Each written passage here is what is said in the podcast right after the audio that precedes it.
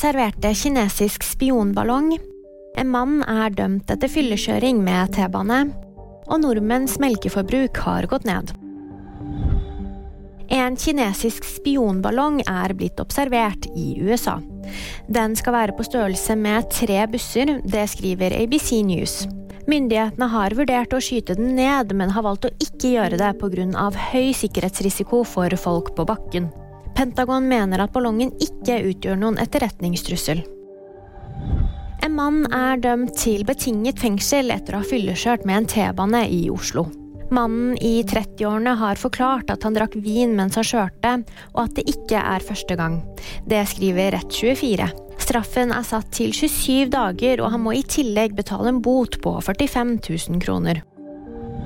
Melkeforbruket vårt har gått ned det siste året.